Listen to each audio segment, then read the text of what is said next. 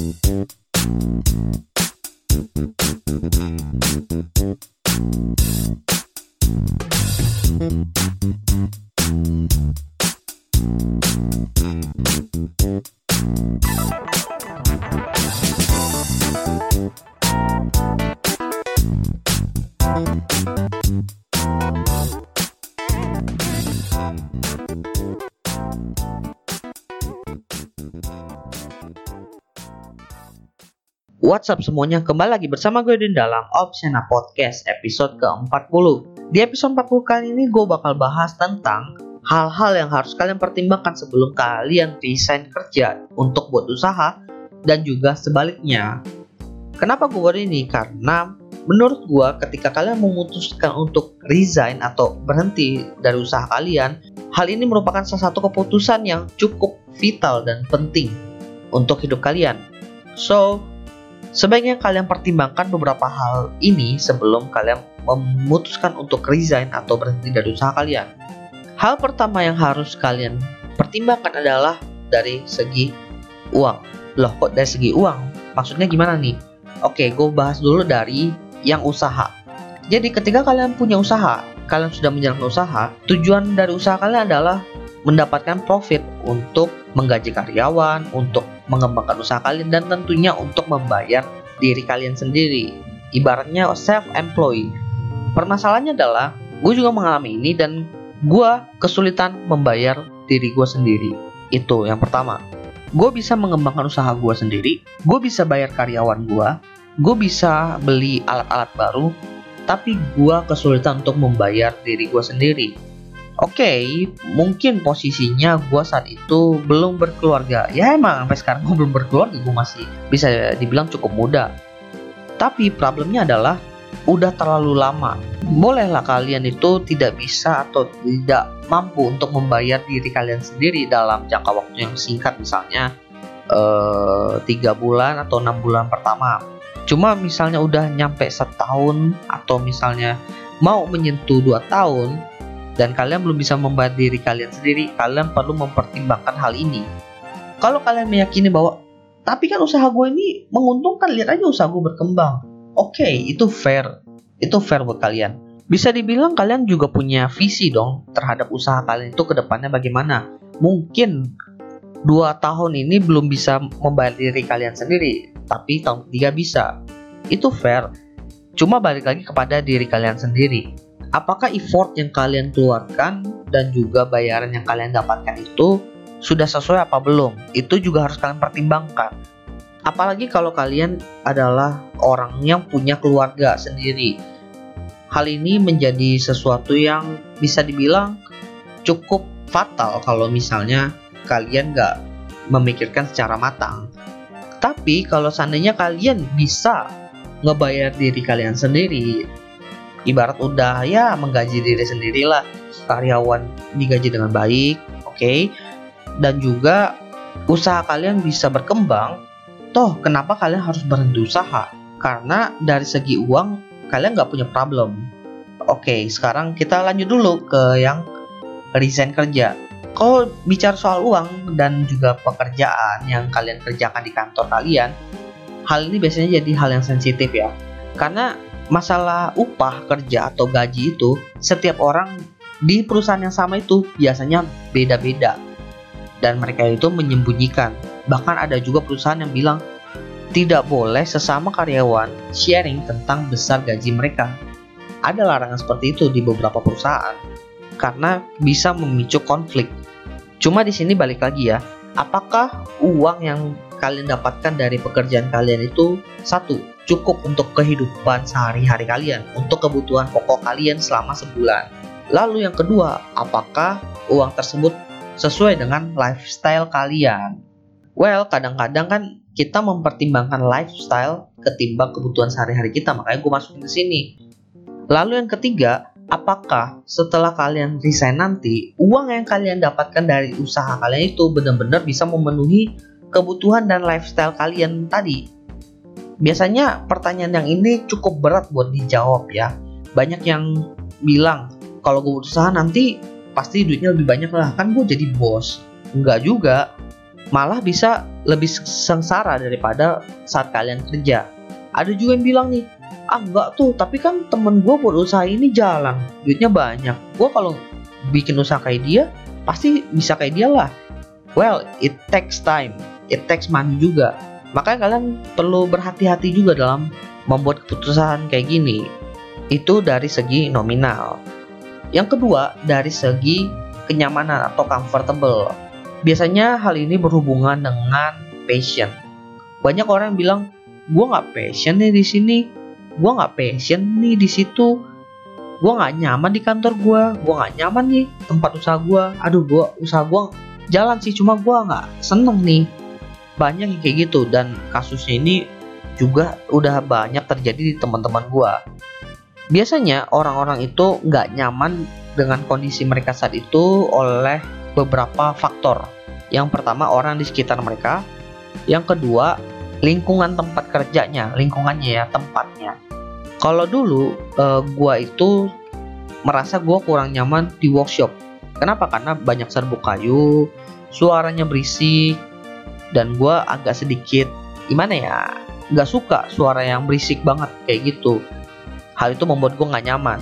Lalu kalau di tempat kerja banyak yang cerita bahwa teman kerjanya jutek lah atau nggak bosnya jutek lah galak lah kos itu fasilitas kantornya kurang lah wifi-nya lemot lah hal itu sering banget terjadi cuma balik lagi apakah ketidaknyamanan di lingkungan kerja kalian atau lingkungan usaha kalian itu benar-benar membuat kalian nggak nyaman saking nggak nyamannya membuat kalian nggak produktif. Meskipun tempat workshop gue dulu itu berisik banyak debunya banyak terbuka kayunya dan bikin gatel-gatel toh gue nggak nggak produktif gitu. Gue tetap produktif cuma memang gue merasa nggak nyaman aja di sana.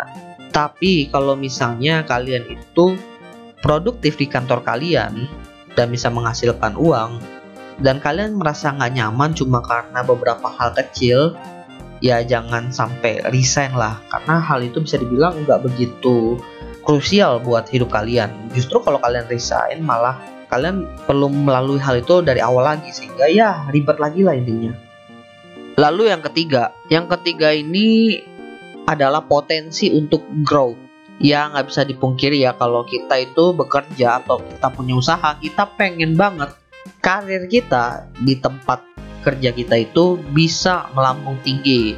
Cuma masalahnya kita kan perlu bersaing dengan orang-orang di tempat kerja kita atau mungkin kompetitor bisnis kita. Masalahnya adalah untuk bisa bersaing dengan para kompetitor kita itu di dunia kerja kita nanti, kita perlu terus bertumbuh. Karena pasti itu kompetitor kita juga bakal grow up terus. Kita nggak boleh terus berada di posisi yang sama. Kita juga harus grow up. Ibarat balapan kita harus saling susul menyusul. Permasalahannya adalah di tempat kerja kita itu atau di lingkungan kerja apakah kita bisa growth tanpa batas? Maksudnya tanpa batas bukan unlimited gitu ya sebenarnya. Apakah potensi perkembangan kita itu cukup panjang untuk ke depannya nanti ketika kita menjalani karir kita di bidang tersebut atau di lingkungan tersebut? Karena banyak ya yang misalnya kerja di perusahaan A atau buat usaha A, mereka bertumbuh, semuanya pasti bertumbuh. Cuma pertumbuhannya itu berhenti di titik tertentu ibarat mereka itu ngestak lah. Nah, ketika mereka berada di titik yang bisa dibilang mereka itu stuck, ada dua kemungkinan. Mereka bakal stuck di situ terus atau mereka bakal growth ke titik selanjutnya. Hal ini yang biasanya menjadi dilema ya kalau misalnya gue ngestak nih, gue bingung mau ngapain lagi. Mungkin kalau lu buat usaha, lu bisa mencoba berinovasi gitu. Lu mau buat produk baru mungkin, lu promosi dengan cara baru mungkin, uh, nyari koneksi mungkin Pokoknya kalau lu punya usaha dan lu ingin mencoba growth ke level selanjutnya, masih lu punya kebebasan lah untuk berinovasi di sana. Sedangkan kalau di dunia kerja agak sedikit lebih sensitif karena lu juga berinteraksi dengan teman-teman di sekitar lu, kolega kerja lu. Di sini lu harus benar-benar memikirkan apa yang lu butuhkan untuk growth. Itu dulu. Dan biasanya ketika lu udah memiliki sesuatu yang lu inginkan mungkin lu pengen naik jabatan atau lu pengen naik gaji atau lu mau ada tunjangan untuk liburan lu harus mempersiapkan mental lu untuk ngomong ke atasan lu. Dan biasanya ini yang agak agak sensitif. Mungkin ada yang takut kayak kalau gue ngomong kayak gini nanti orang-orang di sekitar gue malah sungkan sama gue karena gue sok-sokan minta kayak gini-gini. Well itu kan balik lagi ke kalian. Cuma di sini kalian harus tahu ya apa yang kalian inginkan dan juga apa yang kalian mau dari dunia kerja kalian sehingga kalian bisa grow. Tapi ingat, ketika kalian meminta hal itu, pastikan akan ada timbal balik dari kalian. Kontribusi kalian di perusahaan itu harus lebih besar lagi. Toh kalian minta tambahan, tapi kalau kinerja kalian itu sama aja kayak yang kemarin-kemarin, ya gue jamin lu nggak bakal dapat apa-apa dari perusahaan. Dan menurut gue juga perusahaan itu mengukur ya kinerja dari para stafnya karyawannya. Staff mana sih yang patut mendapatkan award atau bonus mungkin atau kenaikan jabatan? Mereka udah punya indikator tersendiri. Tinggal bagaimana caranya kalian untuk mengetahui ini indikator yang dijadikan sebagai alat ukur atau tolak ukur dari perusahaan tersebut untuk menaikkan jenjang karir kaliannya nanti. Pokoknya semuanya balik lagi ke strategi lah bagaimana caranya kalian mendapatkan informasi, mengolah informasi dan mencoba melakukan sesuatu beranilah. Oke, jadi itu tiga hal yang menjadi pertimbangan buat gua ketika gua mau berhenti usaha atau mau resign. Karena menurut gua tiga hal ini cukup penting ya.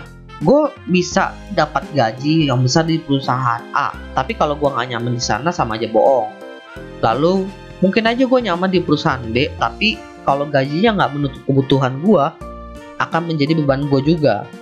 Lalu mungkin gue juga menemukan perusahaan C. Perusahaan C ini gajinya bagus tempat kerjanya bagus. Cuma ketika gue kerja di sana gue nggak merasakan adanya perkembangan di sana. Nggak akan ada growth. Gue nggak mendapatkan ilmu baru cuma gitu-gitu aja. Sebaiknya gue pergi cari suasana lain. Karena balik lagi sekarang itu dunianya profesional di mana kalian itu harus memikirkan bagaimana cara kalian untuk bisa terus grow, tingkatkan portofolio kalian. Entah melalui freelance kah atau entah melalui tempat kerja, perpindahan tempat kerja ke tempat yang lebih baik, itu benar-benar harus kalian pikirkan. Tapi balik lagi, jangan ketika nggak nyaman langsung pindah, nggak nyaman langsung pindah. Kalian benar-benar harus tahu dulu apa yang membuat kalian gak nyaman, lalu apakah kalian benar-benar harus pindah dari sana. Karena terlalu sering pindah juga malah merusak portofolio kalian. Jadi hati-hati kalau berpikir tentang resign atau berhenti dari usaha kalian. Tapi ada nih beberapa tips yang mungkin bisa membantu kalian untuk benar-benar memutuskan apakah kalian harus resign atau tidak atau kalian berhenti usaha apa tidak. Mulai dari yang kerja di kantor dulu. Mungkin kalian berpikir berusaha itu enak karena kalian bisa mendapatkan uh, gaji yang cukup besar atau mungkin pendapatan yang cukup besar.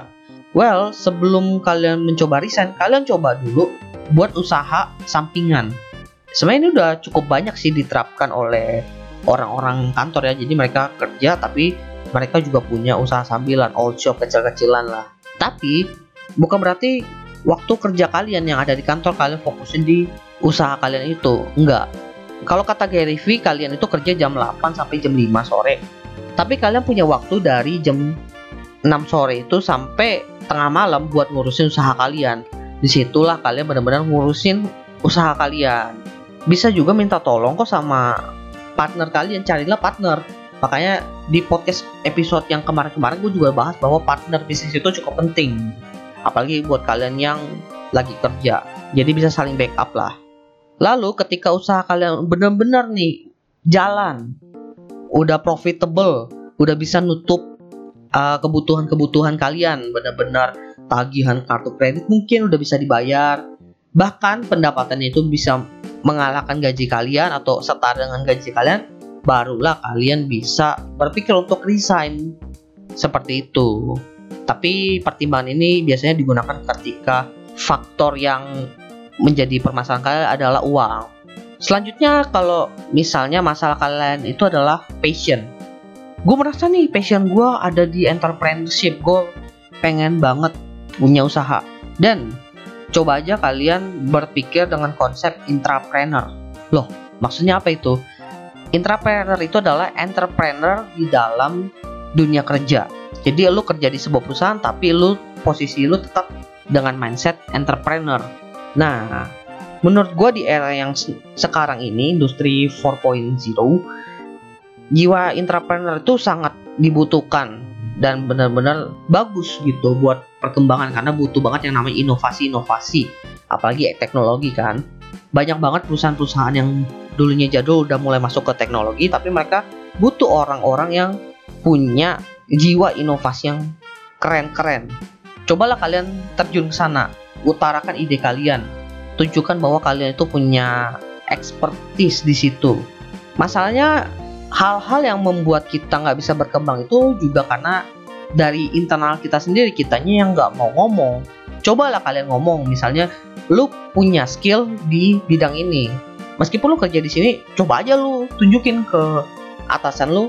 Kalau kita begini kemungkinan berkembangnya bisa begini coba aja dulu toh nggak ada salahnya juga kan kalian mengemukakan pendapat kita di Indonesia bos mengemukakan pendapat itu bisa dibilang menjadi hak warga negara. So, slow aja. Nah, ketika kalian berhasil nih menjadi entrepreneur di perusahaan kalian dan kalian itu bisa dibilang mendapatkan respect lah dari atasan kalian itu, kalian bolehlah berpikir-pikir untuk resign karena kalian pengen mencari tantangan dengan membuat usaha sendiri. Maka itu menjadi masuk akal. Ketimbang alasan resign lo adalah karena kalau gue buka usaha gue bisa dapat uang lebih banyak daripada saat gue kerja. Nggak semudah itu, men. Lalu, buat yang punya usaha, mungkin kalian berpikir kalian pengen mencoba masuk ke dunia kerja. Kalau usaha kalian itu ceritanya benar-benar jalan, sebaiknya kalian mencari satu orang yang bisa menggantikan kalian. Sementara untuk ngehandle pekerjaan-pekerjaan yang bisa dibilang cukup berat. Dengan begitu, usaha kalian itu masih bisa jalan dan juga kalian bisa kerja juga. Ibarat kalian dapat double income lah. Siapa sih yang nggak mau double income? Usaha udah jalan, ada yang ngurusin, lo tinggal kerja. Sebenarnya gampang kayak gitu. Sedangkan kalau usaha kalian ceritanya ngestak, dan ini gue mengalami ya, usahanya ngestak, kemudian gue mendapatkan pekerjaan. Apakah gue masuk ke dunia kerja tersebut? Pertimbangan gue adalah dari segi growth. Gue ngelihat usaha gue ngestak, gue nggak bisa mendapatkan perkembangan yang cukup jauh gue nggak dapet koneksi yang banyak dari usaha ini gue nggak dapet penghasilan yang cukup dari usaha ini tapi ketika gue kerja di tempat kerja gue yang sekarang gue bisa dapat koneksi lebih gue bisa dapat income lebih tapi gue juga punya kebebasan buat ngurusin usaha gue dan it makes sense gitu buat gue kalau misalnya gue kerja di perusahaan ini seperti itu makanya sebenarnya baik lagi pinter-pinteran kalian untuk mengatur waktu dan juga uh, mengatur kehidupan kalian agar bisa mendapatkan uang dari dunia kerja dan juga dunia bisnis. Seperti itu. Oke, okay, gue rasa itu aja sih yang pengen gue bahas di podcast episode 40 kali ini. Semoga bermanfaat buat kalian dan jika menurut kalian episode kali ini cukup membantu, bolehlah kalian like dan juga share ke teman-teman kalian karena menurut gue masih banyak orang yang mengalami masalah dilema ketika mereka mau resign atau buat usaha atau berhenti usaha lah. Dan jangan lupa follow Instagram Opsiana Podcast di @opsiana_media karena di situ kalian bisa mendapatkan informasi-informasi menarik seputar dunia bisnis, teknologi, dan karir. Terlebih podcast-podcast terbaru dari Opsiana Podcast. Well, jadi opsi ada di tangan kalian Memutuskan untuk berhenti dari sesuatu yang sudah lama kita jalankan itu merupakan salah satu keputusan yang cukup vital dalam kehidupan kalian.